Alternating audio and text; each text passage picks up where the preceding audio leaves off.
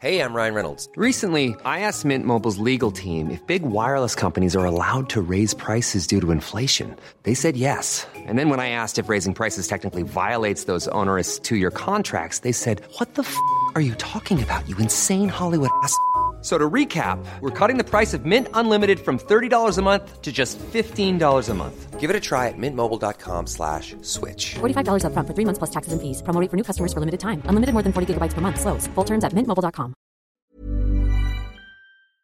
Hej igen alla fina lyssnare som vi har här på Kära Barn. Det här är Louise Alin som jobbar med den här podden och jag är sjuksköterska, lägg, barnmorska, lägg, psykoterapeut, lägg och massa andra saker också.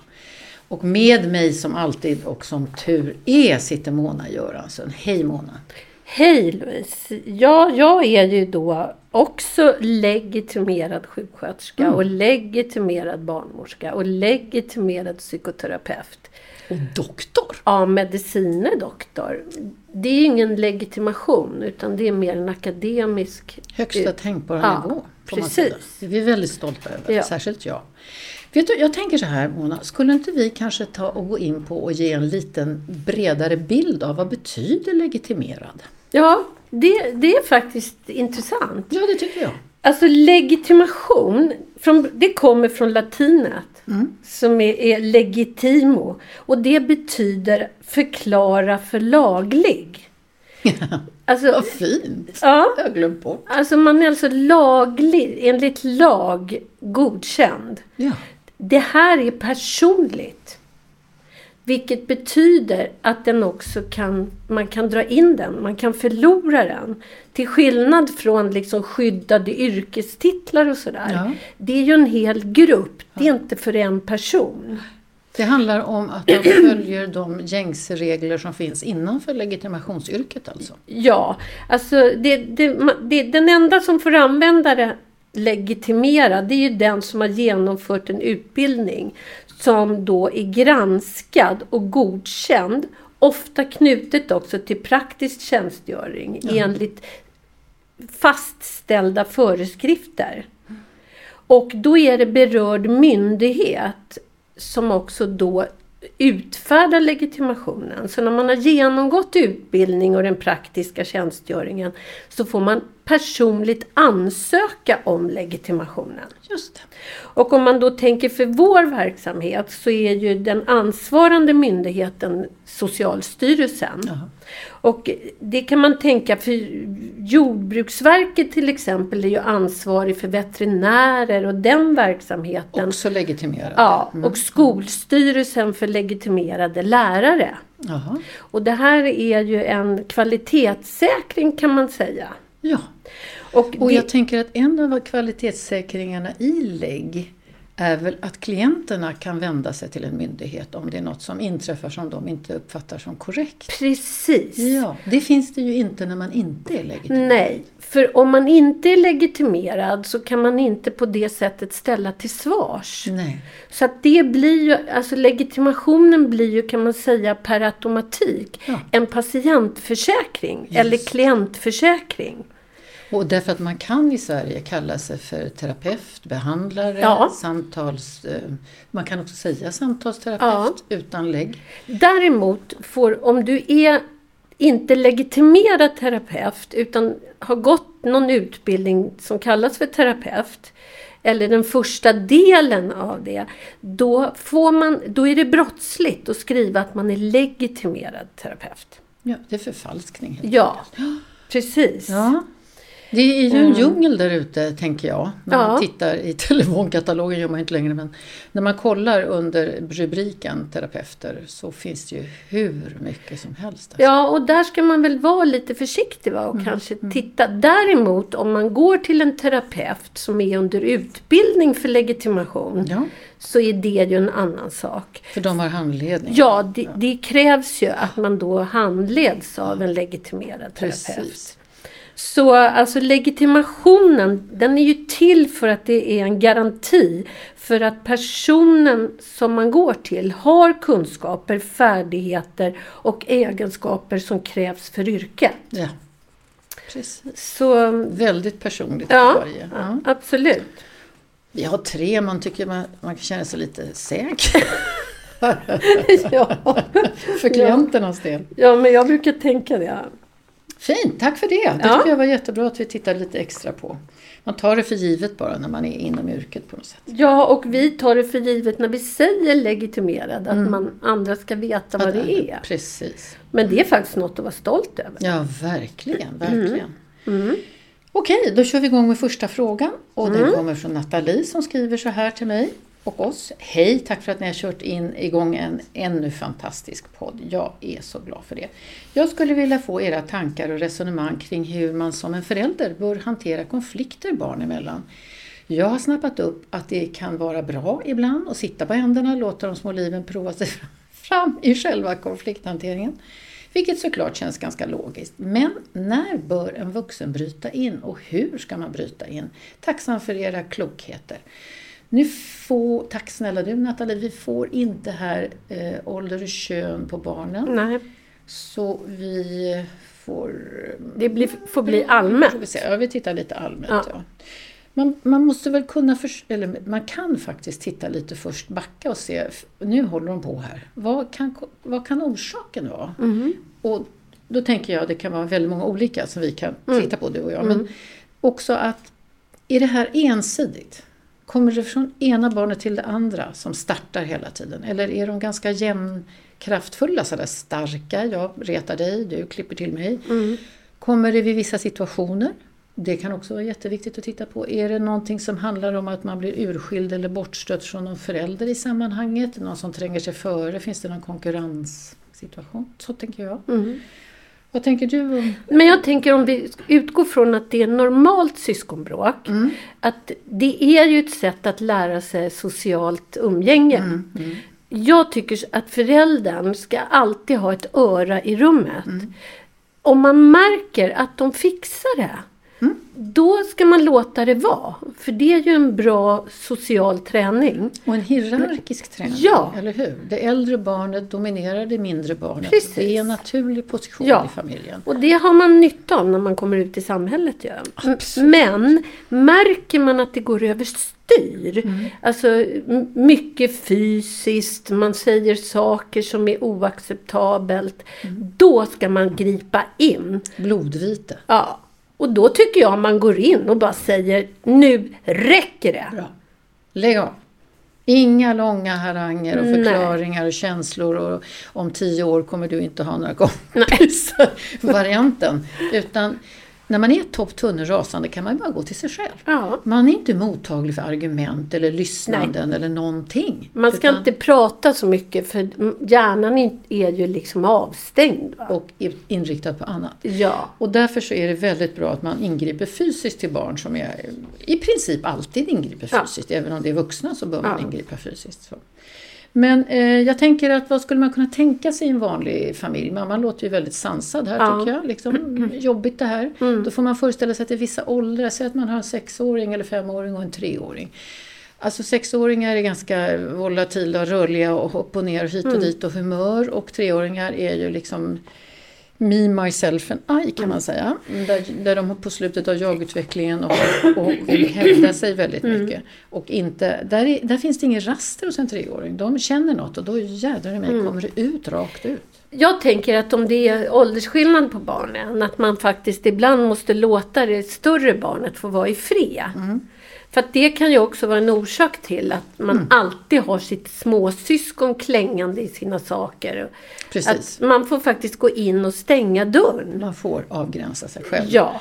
Det är en viktig grej, alltså att man får ha den integriteten så att inte någon, att föräldrarna upplever att i den här familjen älskar alla alla och därför får alla tillgång till allt. Nej, utan det är faktiskt okej att få vara i fred, att få ha vissa saker som man inte vill att den andra ska röra Ja. och så vidare. Man kan berätta det kanske för en 5-6-åring att du förstår att din, din lillebror eller syster hon, hon vill bara vara med dig Ja. i hela världen för att Ja. du är hennes allra mesta stora idol i livet.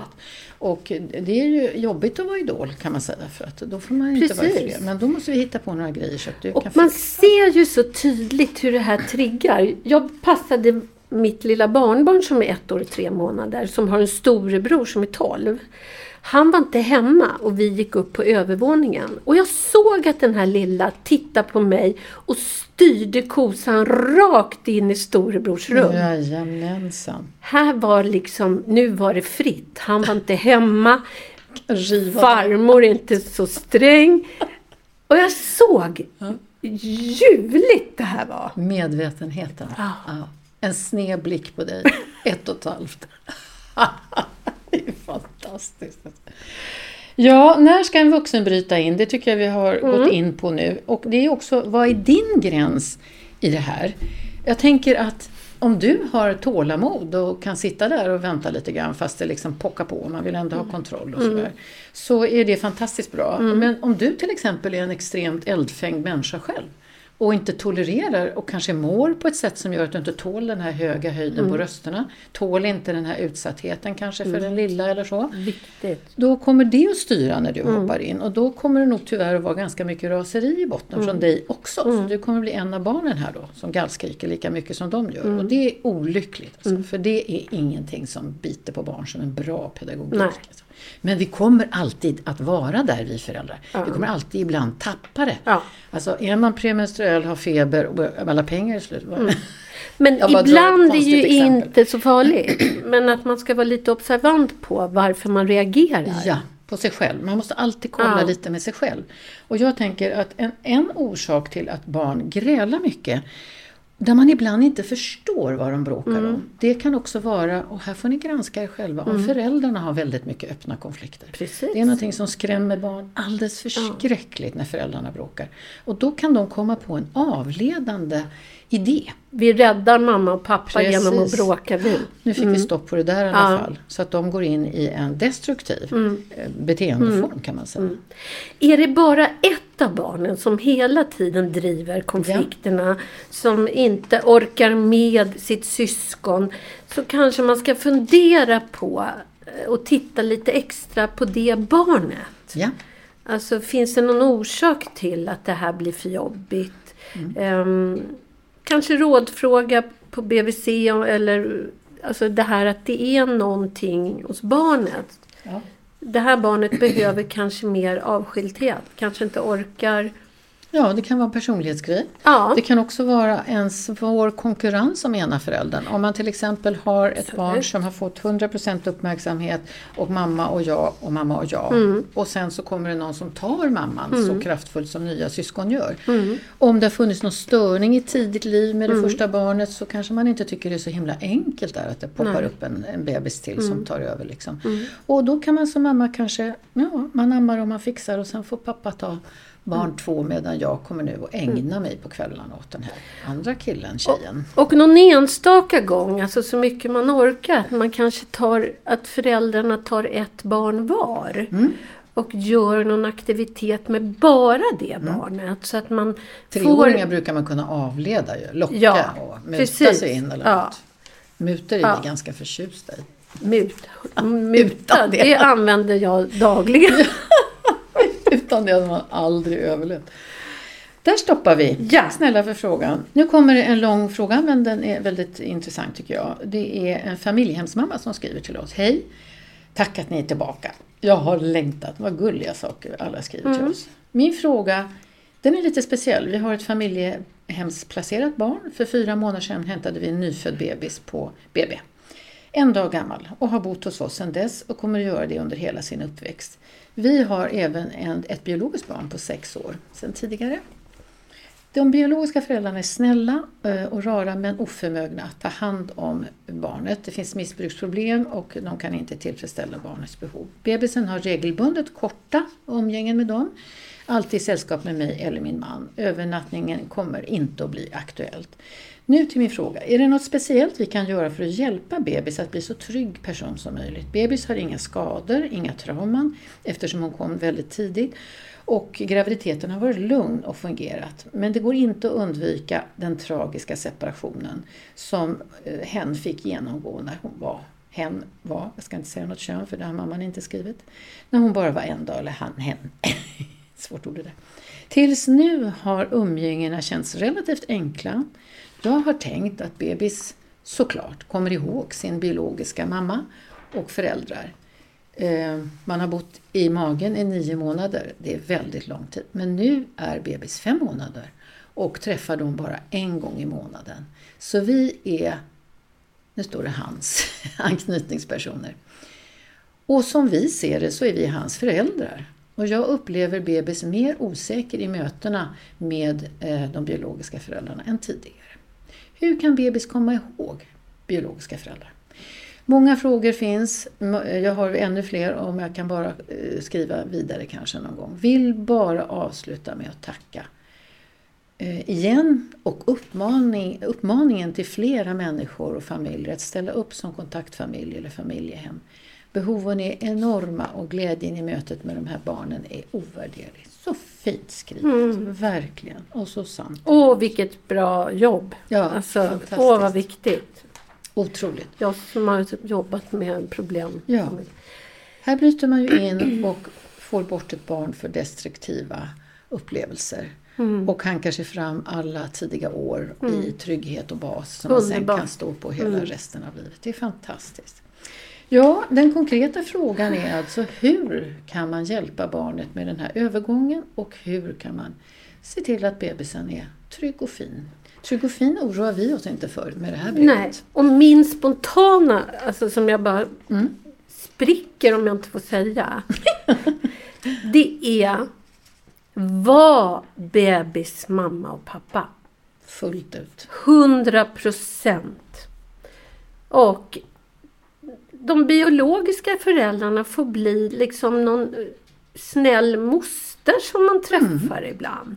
Och då kommer Det är okej. Ja, och säkerheten i det här systemet är ju att barnet kommer ju inte träffa dem när de inte klarar av sina missbruk, Nej. när de inte klarar av att umgås och så vidare. Precis. Så det finns en inbyggd garanti här, Ja. de här att de här fosterföräldrarna kommer att reglera umgänget.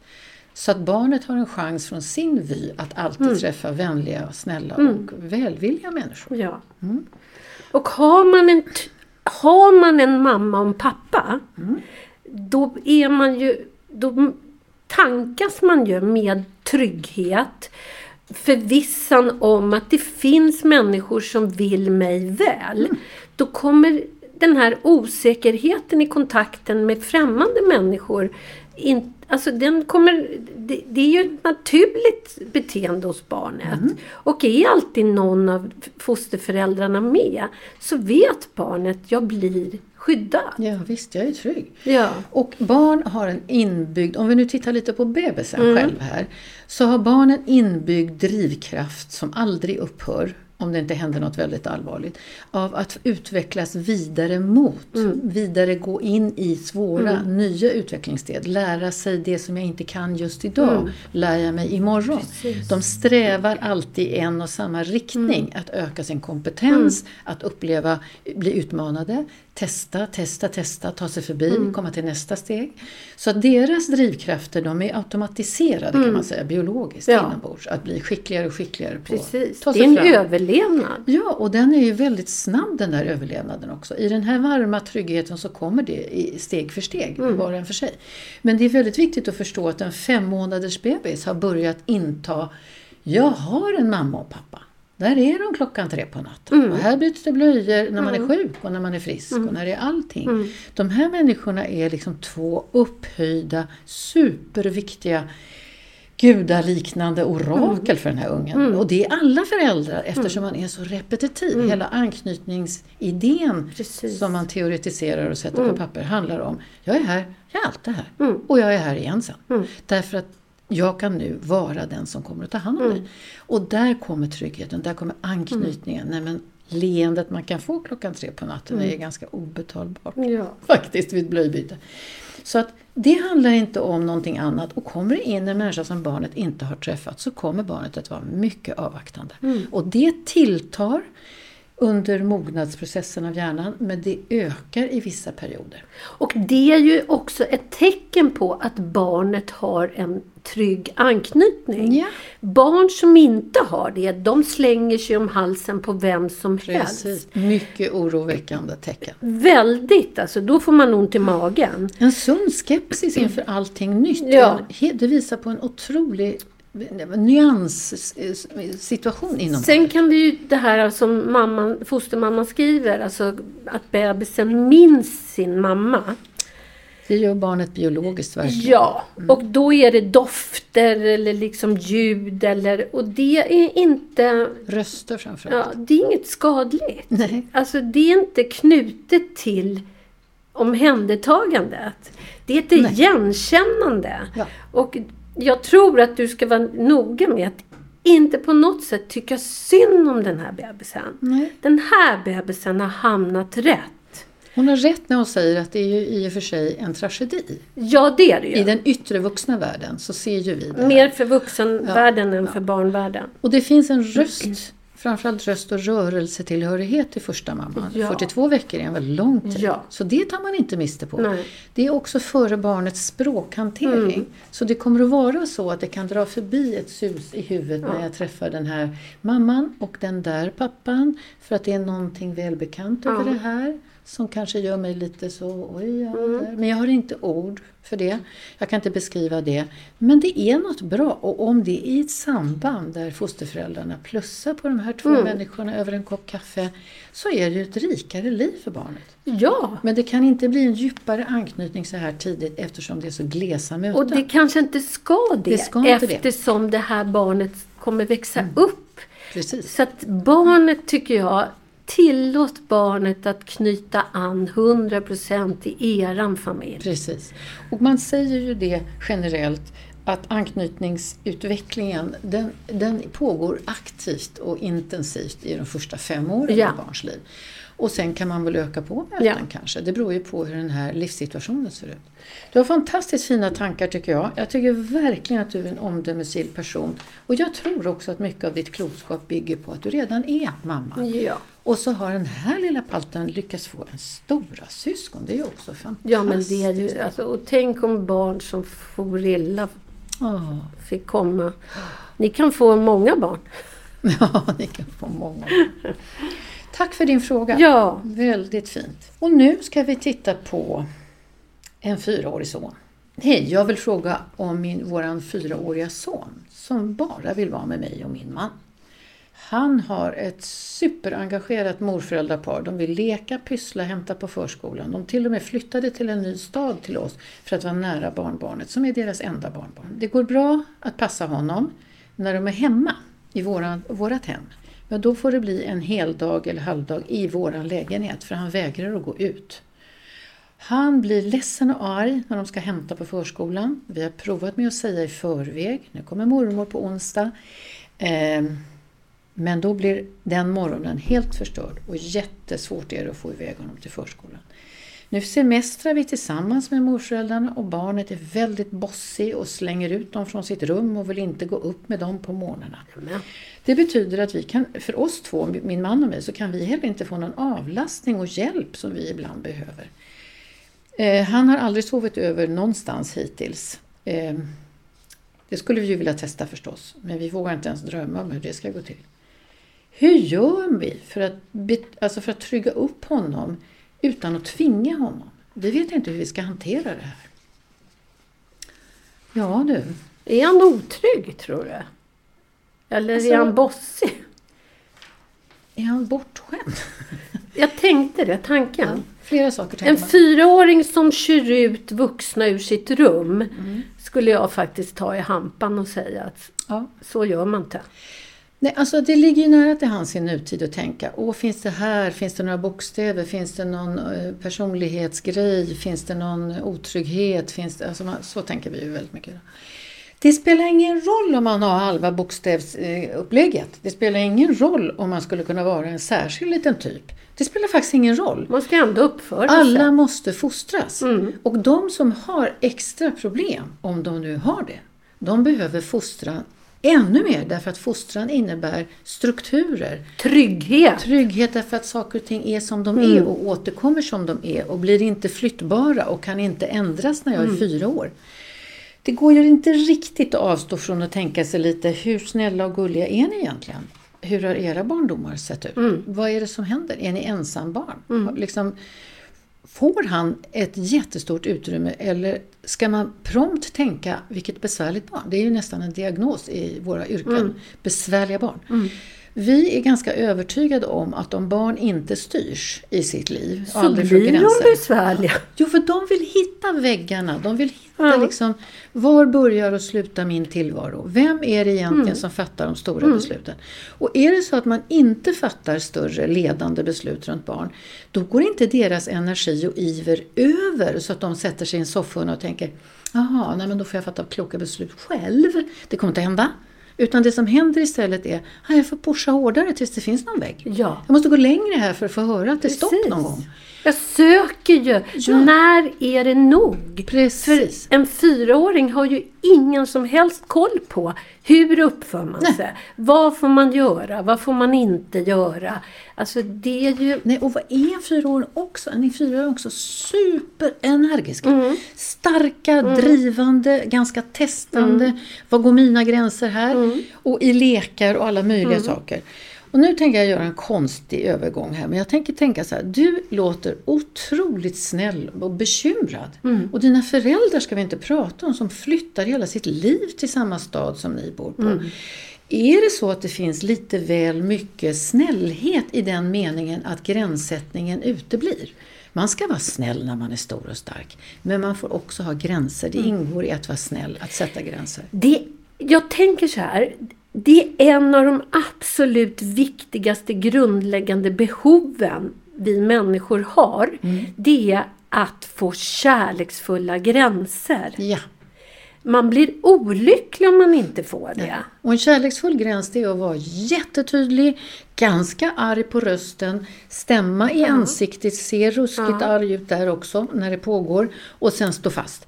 Och sen Precis. ta reaktionen som kommer. Barnets jobb i en fyraårsålder är att försöka bestrida alla försök att styra honom. Precis. Det är hans jobb. Liksom. Ja. Och då när man vet det så behöver man bara stå bredvid och lyssna Mm. på vrålet och skriket och anklagelserna och sen titta på den här som blir en liten Mm. våtfläck så småningom och hulkar och synd om mig och offerpositionen Mm. kommer alltid. Och där kan man börja bryta in och säga något vänligt. Mm. Om du vill så kan du komma och sitta i mitt knä, annars väntar jag på dig. Och jag tänker ett, ett annat behov är ju att man får uttrycka sina känslor.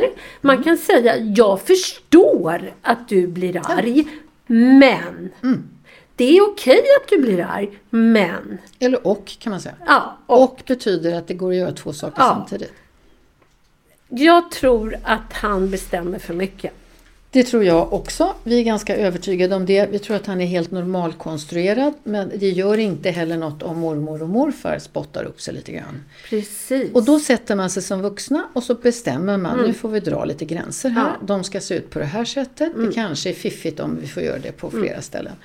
Det är också lite intressant ändå att han är så oerhört privat med sina föräldrar. Mm. Att inte några andra funkar och, och, och så. Mm. Men han är fyra år. Nästan alla barn i Sverige går på förskolan. Mm. Nästan alla barn i Sverige befinner sig där dagligen. Mm. Och om inte förskolan klagar på den här ungen så är det ett privat liksom, Mm. problem. Det är därför vi fokuserar på gränssättning. Att vi tror att det är lite för lite så. Mm. Förskolan bara lullar på. Ingen är och tillräckligt där är ju gränserna ganska tydliga. Ja, och ritualerna Ja, ska vi prata om. äter då, vi Ja. lägger oss då, vi gör det här.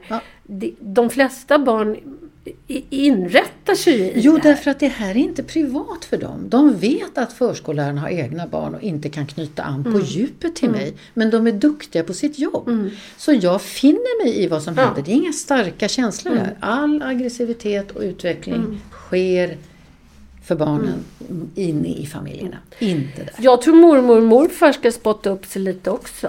Ja, jag tyckte jag nämnde det. Ja, det gjorde du nog. Nu har jag sagt det två Nu har vi sagt det två gånger. det betyder att vi menar det. Att vi tycker lika. Nu är det slut för idag.